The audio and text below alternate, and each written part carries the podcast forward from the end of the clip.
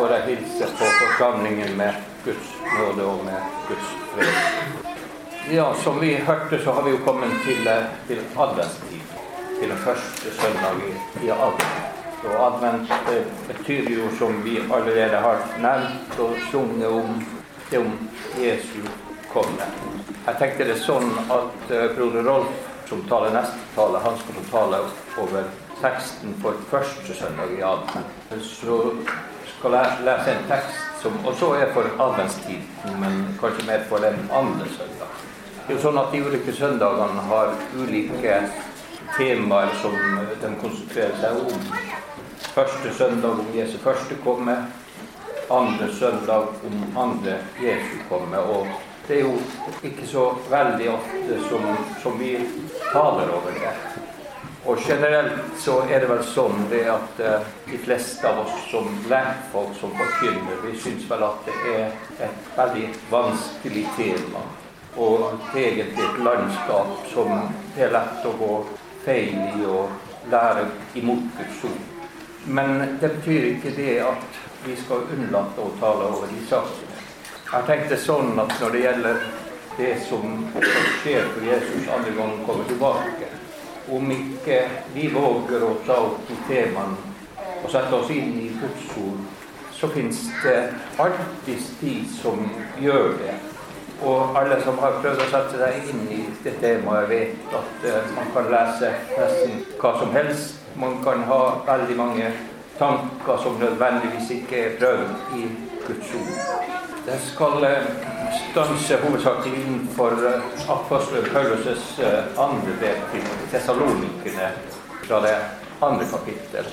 Men nå er det sånn at Jesus har talt det jo veldig mange ganger om til andre gjennomkomst. Og han oppmuntra jo kristne til å våge troen, sånn at den dagen når han kommer tilbake, ikke skulle komme som en tyv da. uforvarende, sånn at de ikke skulle være redde. Men Jesus oppmuntrer til å våge å be sånn at uh, disiplene skulle bli fulle idler.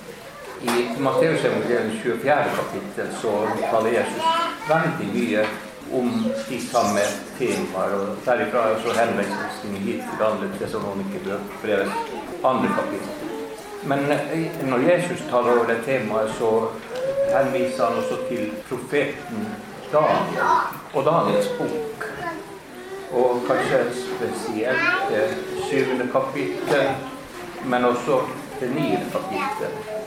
Og om vi også ser litt videre, så finner vi både fra det ellevte og fra det tolvte kapittel der Daniel utlegger om hva Jesus mener når han taler om ødeleggelsens vederstyggelighet, som også kommer frem i teksten som, som vi nå leser om. Men også et uh, siste gudsord som jeg tenkte å knytte litt i forhold til den, uh, det jeg tenkte å tale over. Det er fra Johannes' åpenbarings 13. Og for å få liksom et helhetlig syn, så tenker jeg det at det er godt å vite hva er Bibelens totale budskap om det. Men samtidig så behøver vi være ydmyk og be Gud om at han skulle gi sin Hellige Ånd, at han sjøl skulle forklare og utlegge. For som den høyvise Daniel som hadde fått en åpenbar så når han fikk se et syn om de fire dyrene som skulle tre frem i det siste tid Han fikk forklaring på det, men eh, så forstår vi det at han sjøl måtte gi til kjenne at han strever med Han hadde vanskelig for å forstå. Ja, hvor mye enn vi. Ja, til og med Herres apostel Peter, som skriver over det samme temaet, han nevner om Paulus og Paulus' lære om det, at det er mange av de ubefeste som forvrenger Paulus' lære om det, som vi også skal komme inn. Altså, For sammenhengens skyld så leser jeg så mye som 13 vers fra første vers og ordlyder Jesu navn. Vi ber dere, brødre, når det gjelder vår Herre Jesu Kristi komme og vår samling hos Ham. La dere ikke så snart drive fra vett og sans. La dere ikke skremme verken ved noen ånd eller ved noe ord eller ved noe brev som sies å komme ifra oss, og som går ut på at Herrens eller Kristi dag alt er her. La ingen bedra dere på noe vis. For først må frafallet komme, og lovløshetens menneske åpenbares. Fortapelsens sønn, han er den som står imot og som opphøyer seg overalt, som blir kalt Gud eller helligdom. Så han setter seg i Guds tempel og gir seg ut for å være Gud. Minnes dere ikke at jeg sa til dere dette da jeg var, ennå var hos dere? Og nå vet dere hva det er som holder igjen, slik at han først skal åpenbares når tiden for dette er inne. For lovløshetens hemmelighet er alt virksom. Bare at den som nå holder igjen, må bli tatt bort. Da skal den lovløse åpenbares, han som Herren Jesus skal ødelegge med sin munns ånde, tilintetgjøre når, når hans gjenkomst åpenbares i herlighet. Den lovløse kommer etter Satans virksomhet med all løgnens makt og tegn og under. Det skjer med all urettferdighetens forfølelse iblant dem som går fortapt, fordi de ikke tok imot kjærligheten til sannheten, så de kunne bli frelst. Derfor sender Gud dem kraftig villfarelse, så de tror løgnen, for at de skal bli dømt, alle de som ikke har trodd sannhet, men hadde sitt behag i urettferdighet. Men for dere brødre, som er elsket av Herren, for dere skylder vi alltid å takke Gud fordi Han fra begynnelsen har utvalgt dere til frelse ved Åndens helliggjørelse og et ord på sannheten. Amen. Bibelen løfter utrolig mange ganger temaet Jesu andre hjem. Jeg har lest eh, i alle fall over 500 ulike bibelsteder peker frem mot det. Og faktisk eh, nesten halvparten, over 250, peker på det fra Det gamle testamentet. Altså pekte ikke Gamle testamentet og talte ikke bare Gamle testamentet om når Jesus første gangen skulle komme, men det talte helt inn til den siste dom og til Kristi dag. Og Derfor så tror jeg at det er viktig at også vi skulle ta tid til å både lese og be over det emnet der. At den som ikke kjenner og ser tidens tegn, hvis man sovner inn og likegyldig, det angår ikke oss. Det har vi hørt så lenge vi kan huske. Ja, jeg husker også tilbake til 60 år, som han har talt om Jesu andre ankomst. Og kanskje nødvendigvis ikke alltid med hell. Kanskje man mange ganger har skremt opp barn og unge, ja til og med voksne og eldre mennesker med tanke på det. Og jeg tror et sånt herre ømtålig eller vanskelig tema er det nødvendig å bevise Gud om visdom. Både når vi som forkynner skal lære det, men også når foreldre skal snakke om det til sine barn, eller når barna har spørsmål om det. Vi har hørt om årstall. Ja, man til og med her på Nordkalotten har isolert seg og venta at man skal komme ned for å hente dem bort opp fra himmelen. I Uleåborg i Ovno var det en gruppering som også hadde en fast dato som skulle hente Kristoffer her. Ja, sånn har det vært gjennom alle tider at menneskene har spådd og profetert, og så har de ikke gått i oppfyllelse. Og så slutter menneskene å vente på det verste av alt og farligste av alt, at man slutter å gå. Sånn var det også, som vi leser om vil jeg huske Peter skriver at koret løftet om hans gjenkomst. Alt bare forblir å være sånn som det har vært. Når vi går til apostel Paulus' brev i, til, til Moteus i det andre kapittelet, så nevner Paulus ta opp kampen mot eh, vranglære som har kommet inn i menigheten. Og det hadde nettopp med at eh, man lærte at eh, Jesu ankomst hadde allerede vært. Oppstandelsen hadde allerede vært. Ja, også fra Tessalonikerbrevet så kan vi skjønne det at menneskene hadde på en måte så kort forventning at det ville skje innen så kort tid at de la ned alt. Og jeg håper å si det, og kanskje noen av dere syns jeg er ganske dåraktig og dum, eller var det når jeg var dum? Ung. Men det er ikke noe annet. En sånn var liksom også mine tanker når jeg som ung på 70-tallet kom til troen. Eh, jeg fikk skade i ryggen og måtte omskolere meg. Jeg begynte på ingeniørhøgskole, og jeg slutta. Og jeg sier det. Vi var ikke gifta, men etter hvert ble vi forlova med kona. Og så sier jeg det at det ikke er noe vits. Hva er vits å gå på skole? Jesus kommer jo snart igjen. Da vil jeg ikke ha noe ut, nytte av utdanningen. Jeg vil ikke ha noe arbeidsliv foran meg. Og nå har jeg vært i læreryrket i lenger enn at jeg har opptjent full pensjon. Jesus har ikke kommet igjen. Det er ikke unyttig at vi venter på Jesu gjenkomst. Men jeg tror det er viktig at vi skulle kunne se det liksom med de øyne som Martin Luther. At man vet at sommerdag kommer i morgen så vil han plante et eple. Altså vil man tenke på at kanskje andre vil ha nytte av det, selv om de ikke forstår det. Og etter at Paulus hadde avslutta første Tesalonikerbrev, så fikk han høre om hvordan det egentlig var der i, i Tesalonika. Og han nevner jo om der også ganske så der alvorlig som, som Paulus sier om Jesu ankomst. For Herren selv skal komme ned fra himmelen med et bydende rop, med overengelens røst, med Guds basun, og de døde i Kristus skal først stå. For det tenkte man det sannsynligvis der, ettersom vi forstår fra første Timoteus brev. Ettersom Jesu oppstandelsen allerede har vært de som skulle vekkes opp ifra graven, var allerede lagt opp, og de var tatt opp og løfta opp i skyen sammen med Jesus. Og nå ble de tilbake, og derfor så ble de så trist, så trist og lei, sånn som vi leser om her i begynnelsen av teksten. Men, sier Paulus, vi skal ikke være uvitende om de døde, de som er hensovne. De som lever, eller vi som lever, skal ingenlunde komme forut for dem. For de døde i Kristus skal først stå.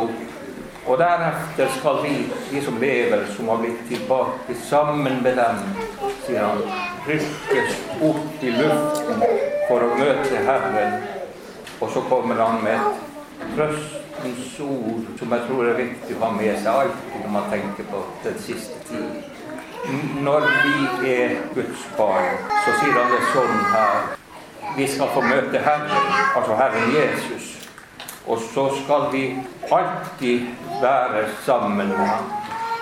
Og Det var som sagt ikke noe dystert budskap, men det var et gledens budskap. Derfor at vi som kristne bekjenner at vi er bare gjester og fremmede her på jord. Vårt rette hjemland i himmelen, og derfra venter vi også Jesu Kristi åpenbarelse. Trøst ta hverandre med disse ord. Og så fortsetter han. Vi behøver ikke å tenke på når det skal være. Verken å vite av tider eller stunder. Men vi vet at Herren, Herren skal komme på en tid. Og når Paulus skriver til de kristne, ja, da sier han at det skal, Herrens dag skal ikke få komme som en tyv over kristne.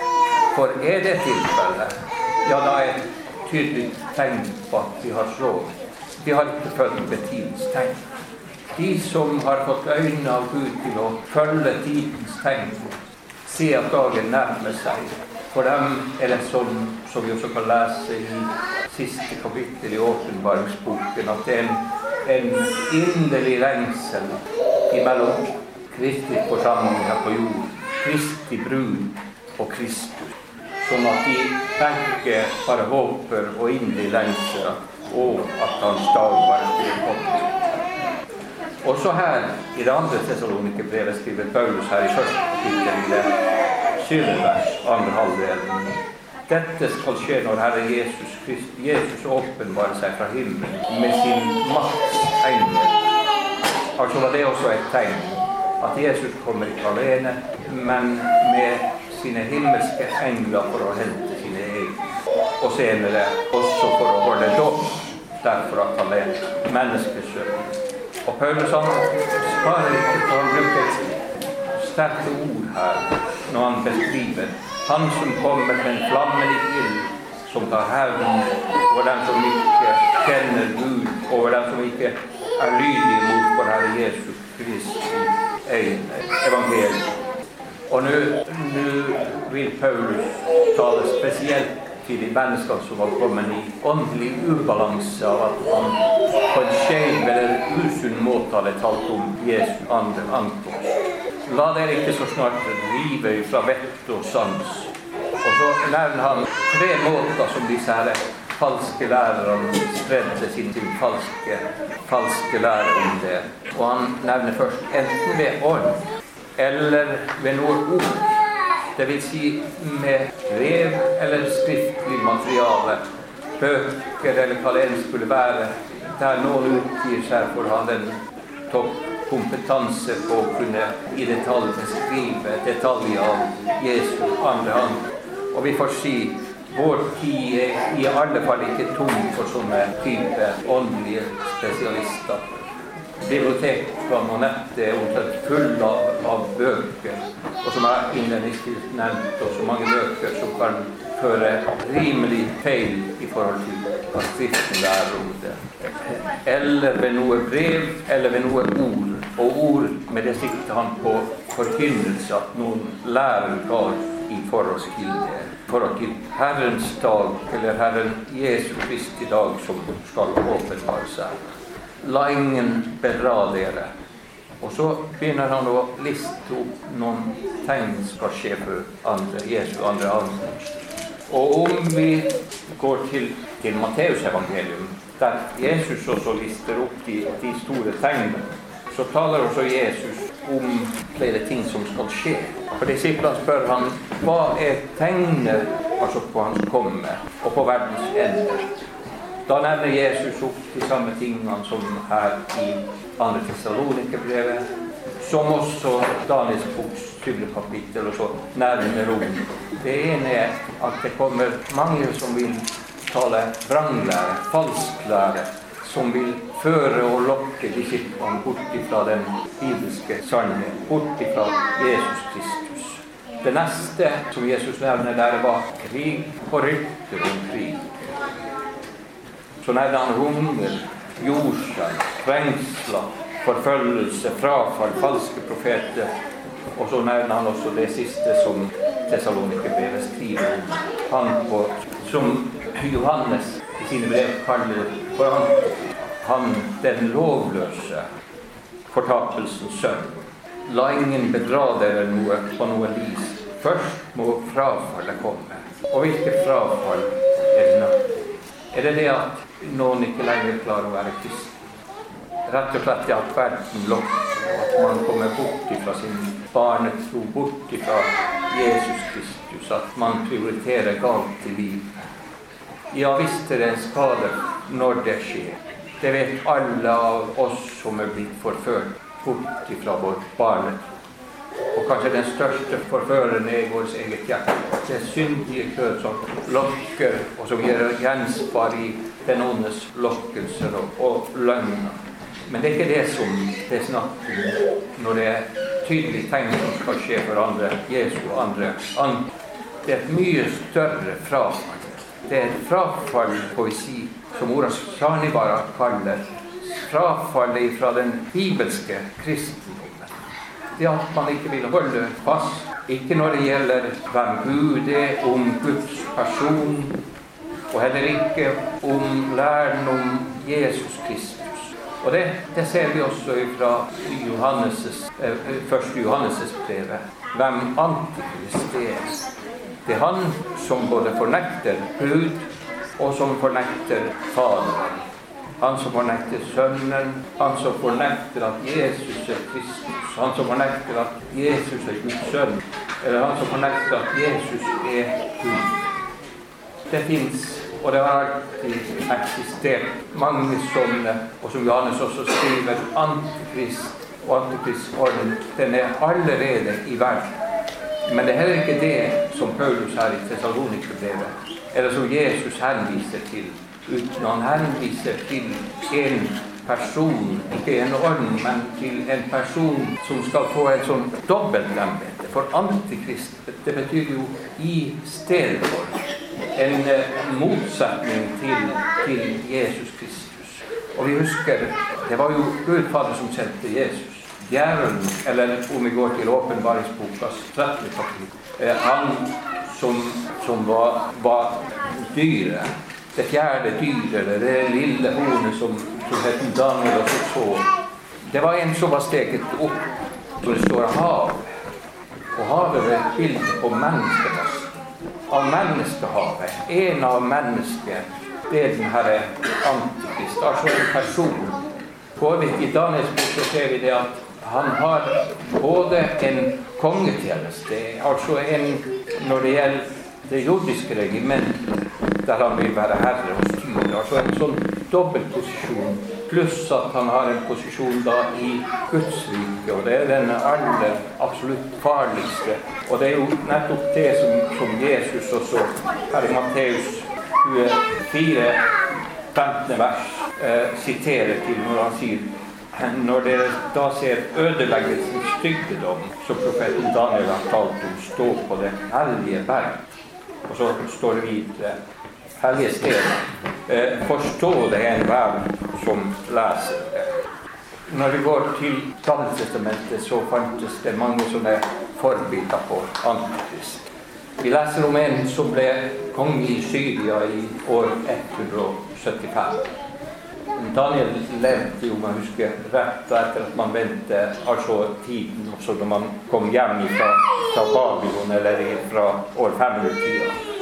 Så Daniel profeterte, og, og, det er jo typisk for all Guds profeti at den har aldri bare liksom ett budskap eller én dimensjon, men den talte først kanskje til han herre som hette kong Antiokus den fjerde, som var en grufull, grufull person som ble så vred på kristne eller på de Guds barn da, at han på en dag drepte han 40 000. Han løfta opp en avgud som heter Sevs, som vi alle kan lese om. Den løfta han opp i tempelet. Og så har man brennofferalteret. Så satte han denne avguden like over Guds alter. Og det skulle være et tegn på Antikrist som skal komme i den siste tid, som skal sette seg sjøl som den sanne og eneste Gud i Guds tempel, eller i Kristi menighet og forsamling her på jord i den siste tid, som ikke er fornøyd at han bare får en del av verdens befolkning til å falle ned for å tilbe ham men som vil ha alle menneskene på jorda til å tilbe ham.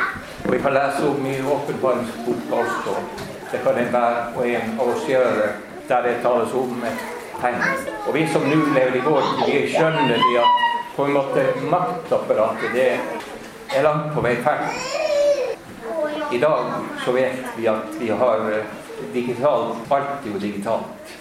Man har store databaser, og når vi er på nettet, alle i sine servere, så eh, vet alle profilen på oss. Dvs. Si, hvem er vi, hva er vi interessert i, hvilke nettsider er vi eh, er interessert i, hva er vi interessert i kristendom, og hvilken type kristendom. Og alt dette her kan lagres i databaser, sånn at man vet identisk hvem som tjener Gud.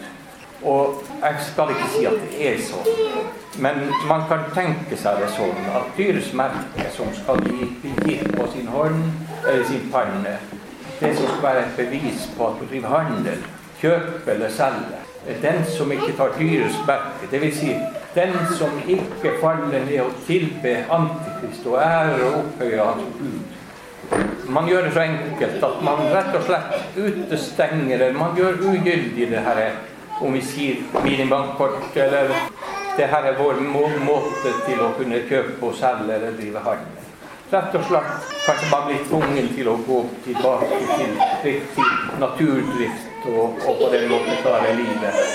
Men vi forstår det at alt er fælt. Men i alle fall, tenker jeg, og vet ikke om jeg tar feil, men jeg forstår det sånn at uh, selv om Antikrist kan for den saks skyld leve på jord i dag, det vet vi Altså personen som en gang kommer til å ta makta som Antikrist. Men hans ånd, han er, den er virkelig ferdig. Og den som kommer til å berede veien. For vi hørte jo det at det er noe som står i veien, som er til hinder for at han trer frem. Og vi vet, alle vi som si, har vært unge, nå ikke er lenger i arbeidslivet, men jeg vet jo det som har vært i mange tiår og over 40 år i arbeidslivet. Jeg vet det at i vår bygd så har det inntil nå vært sånn rimelig respekt for kristne. Har man vært på ja, sånn i mitt tilfelle, som har jobba i skoleverket, så har man tross alt tatt så mye hensyn at man ikke har ført inn i klassene eller i det miljøet det som riktig har gått imot kristne mennesker, derfor at man kanskje har hatt litt gudsfrykt, selv om man ikke, ikke har eh, sjøl vært kristen. Og der tror jeg det at saltet i verden kristen, når vi bare våger å være i ulike samfunnsposisjoner og, og våger å stå på at får vi si, vår profil som kristne alle i bygda bør vite. Jeg tenker det. Jeg tror ikke jeg sier altfor mye. På den ene eller annen måte bør det at vi er en kristen, komme frem. Nødvendigvis ikke alltid med ord. Og jeg vil ikke belaste dere unge for jeg vet at det er slett ikke enkelt alltid å være så frimodig kristen at man alltid prøver å si med ord og oppmuntre menneskene til en sann omvendelse. Det er kanskje ikke alltid det som taler mest, men det er kanskje det stille liv. Det at de ser hvem man er. Det at de ser det at man har en gudsfrykt. At man har en samvittighet, og den vil man ikke overskride. Man vil ikke miste den fagre skatt. Man vil ikke miste det dyrebare man har. Og det taler til denne verden, sånn at det også er med på å holde Antikrist fullt på. Eller for den saks skyld, om vi tenker på lovverket der kongene fortsatt er beskyttere og dronningene fortsatt er våre ammer. Og så en annen sak. Kirka langt på vei har i alle fall rimelig lenge vært en sånn her beskytt, sånn at all ugudelighet ikke har fått samme innpass ja, også kristne politikere. Men i dag, hva ser vi? Mine øyne ser dette tegnet på fra Tegnet på at man er villig til å gi fra seg autoritet, den bibelske autoriteten fra Bibelen, Guds ord. Se bare homofilisaken som pressa igjennom at man fikk vigsel av homofile og lesbiske i Norges kirke en liten prestgruppe på under 200 personer klarte å påvirke hundretusener av kristne i Norge. For meg er det et signal om at kanskje vi kristne bør våkne opp. Kanskje vi bør i vårt storsliv oppleve en reformasjon som lutt på luthersk. Og det betyr ikke å finne opp noe nytt, men det betyr å gå tilbake til det opprinnelige. Ta vare på de apostoliske og profetiske skriftene gå til Guds ord og spørre Herre, hva er din vilje med ditt liv? Hvilke standpunkt og vil du at jeg skal ta i ulike saker? At jeg skal holde fast? For den gangen, eller når Antikrist får inntrede, når tida for han er moden, når han trer inn i verden, for det tales om at han, han skal åpenbart. På samme måte som Jesus ble åpenbart, så blir han åpenbart for at han får makt av han får makt av dragen, og dragen er Satan sjøl. Det er Satan som gir antikristmakt. Ja, han får så stor makt at han får makt til å gjøre så utrolig store tegn og under som også Jesus taler om. Og alle de bibelstedene som jeg siterte til. At en ild skal falle ned fra himmelen. Ja, har vi ikke gjort store tegn og under i Jesu navn? Men tross det så kjente Jesus dem ikke. Vi leser her han fikk ulike navn. Han kalles her for lovløshetens menneske. Han kalles for fortapelsens sønn. Det vil si, det er ikke sånn sett håp for han derfor at han er så forfalt, han som har gått ut for å forføre hele jorden. Han er den som står imot, som, som opphøyes overalt, som kalles Gud eller hellighet så han setter seg i Guds tempel og gir seg ut for å være Gud. Minnes dere ikke at jeg sa dette deres i Paulus ennå mens jeg var hos dere? Han anklager dem ikke. Men det hadde kanskje vært en stund siden han sist hadde vært i Tessalonika, og siste gang han hadde skrevet Tessalonikerbrevet. De hadde glemt det. Minnes dere ikke at jeg sa dere, og at Jesus har sagt det?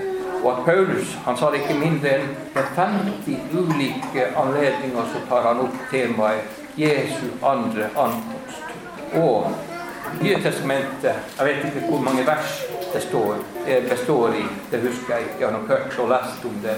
Men i gjennomsnitt så står det om Jesu gjenkomst ikke mindre enn i hvert 25. vers. Altså i 4% av det hele Nye testamentet så påminnes de kristne om at Jesus kommer tilbake snart. Og jeg tenker det, det er for at vi skal holde våkne.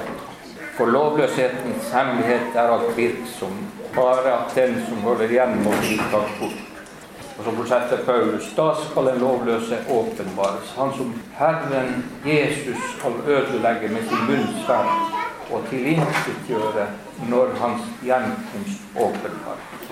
Kanskje jeg ikke kom inn på det, jeg klarer ikke å se hvor det står. Men først så tales det om frafallet. Deretter tales det om den store trengsel. Begge de to, to tingene skulle skje før Jesus kommer tilbake. Fra 70-tallet så husker jeg det at noen kunne lære å tale om at det store frafallet, og det var allerede da. Endetiden og tida kunne ikke være moten for Jesu ankomst mer enn det var moten. Men det forstår Johannes apostel her, at først må frafallet komme, og så, så måtte den store trengsel komme. Altså det vil si en så stor og vanskelig tid over kristen som det ikke har vært ifølge Jesus. Verdens begynnelse og heller ikke inntil den tiden han levde, og heller ikke den tid inntil nå, og som det heller ikke skal bli. Det vil si når Satan forsøker å forføre de siste kristne at man ikke skulle miste himmel og sal. Men vi leser her når Jesus kommer tilbake, så skal han tilintetgjøre ham ved sin gjenkomst og hans åpenbarelse i herlighet. Og den lovløse, altså antikristene, kommer først etter Satans virksomhet med all løgnens makt og tegn og under. Så nevner han også det skjer med all urettferdighetens forfølelser blant dem som går fortapt. Og hvorfor går man fortapt? Det er ikke derfor at ikke Jesus har opererte en frelse for dem. Det er ikke at ikke de hadde mulighet til å omvende seg. Nei, det er nettopp derfor at de har forherda sine hjerter. De har fornekta sannheten som er Jesus Kristus. De har fornekta Guds ord som er Guds fullkomne sannhet til oss. Og derigjennom så leser vi at Gud har overgitt dem til å tro løgn istedenfor sannhet. Og så skjer de store tegn og under. Og visst gjorde Jesus mange tegn og under. Og apostlene også. De gjorde helbreda syke og vekket opp døde. Det fantes ikke noe som var umulig for Jesus. Han sa bare et ord, og så skjedde det. Mennesket ble løst fra sine syndelenker, og lamme gikk, og blinde så, og døve hørte, og døde sto, og evangeliet ble forkynt for de fattige.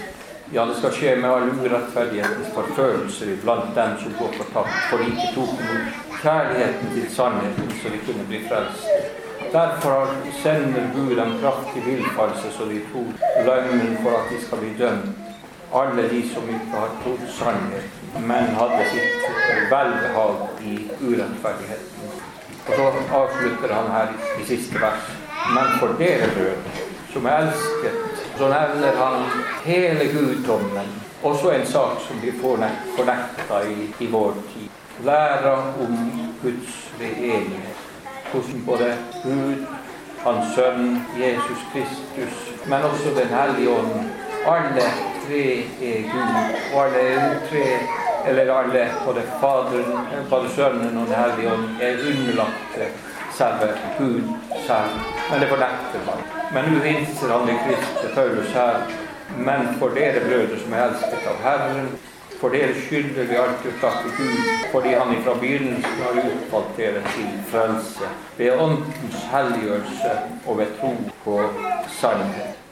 så får vi be om at Gud skulle styrke og bevare oss oss i tro. Jeg nevnte at kanskje jeg skulle komme inn på Daniels bok og få åpenbaringsboka, men det fikk jeg ikke tid til i det hele tatt. Og enhver kan jo lese derifra, sånn sett, og det kan vi kanskje også en senere gang løfte opp. Men jeg har bare lyst til å avslutte med noen ord jeg skal finne fra Bibelens siste og det taler altså om Jesu andre ankomst. Om Jesu komme. Og der er det, som jeg har nevnt, Kristi forsamling. Guds rike på jord. Kristi brud, som har en så inderlig lengsel i sitt hjerte. Et ønske og et håp om at Jesus snart skal komme igjennom. Og det håper å være for meg og for alle at også vi skulle leve i lengselen og gjensynets håp. Så leser vi her Han som vitner dette, sier det. Og den som vitna det, det var Jesus Kristus selv. Ja, jeg kommer snart. Og så bares det amen. Og amen betyr jo ja, det er sant og visst. Og amen det betyr det samme som en tittel for Jesus. Det kan vi lese om i Åpenbarings tredje kapittel, der han skriver Jeg er Amen, Guds trofaste og sanne vitne. Det er han som er Jesus Kristus. Så får vi møte han med et amen. Amen, ja, kom, Herre Jesus. Og Herre Jesu Kristi nåde være med dere alle. Amen.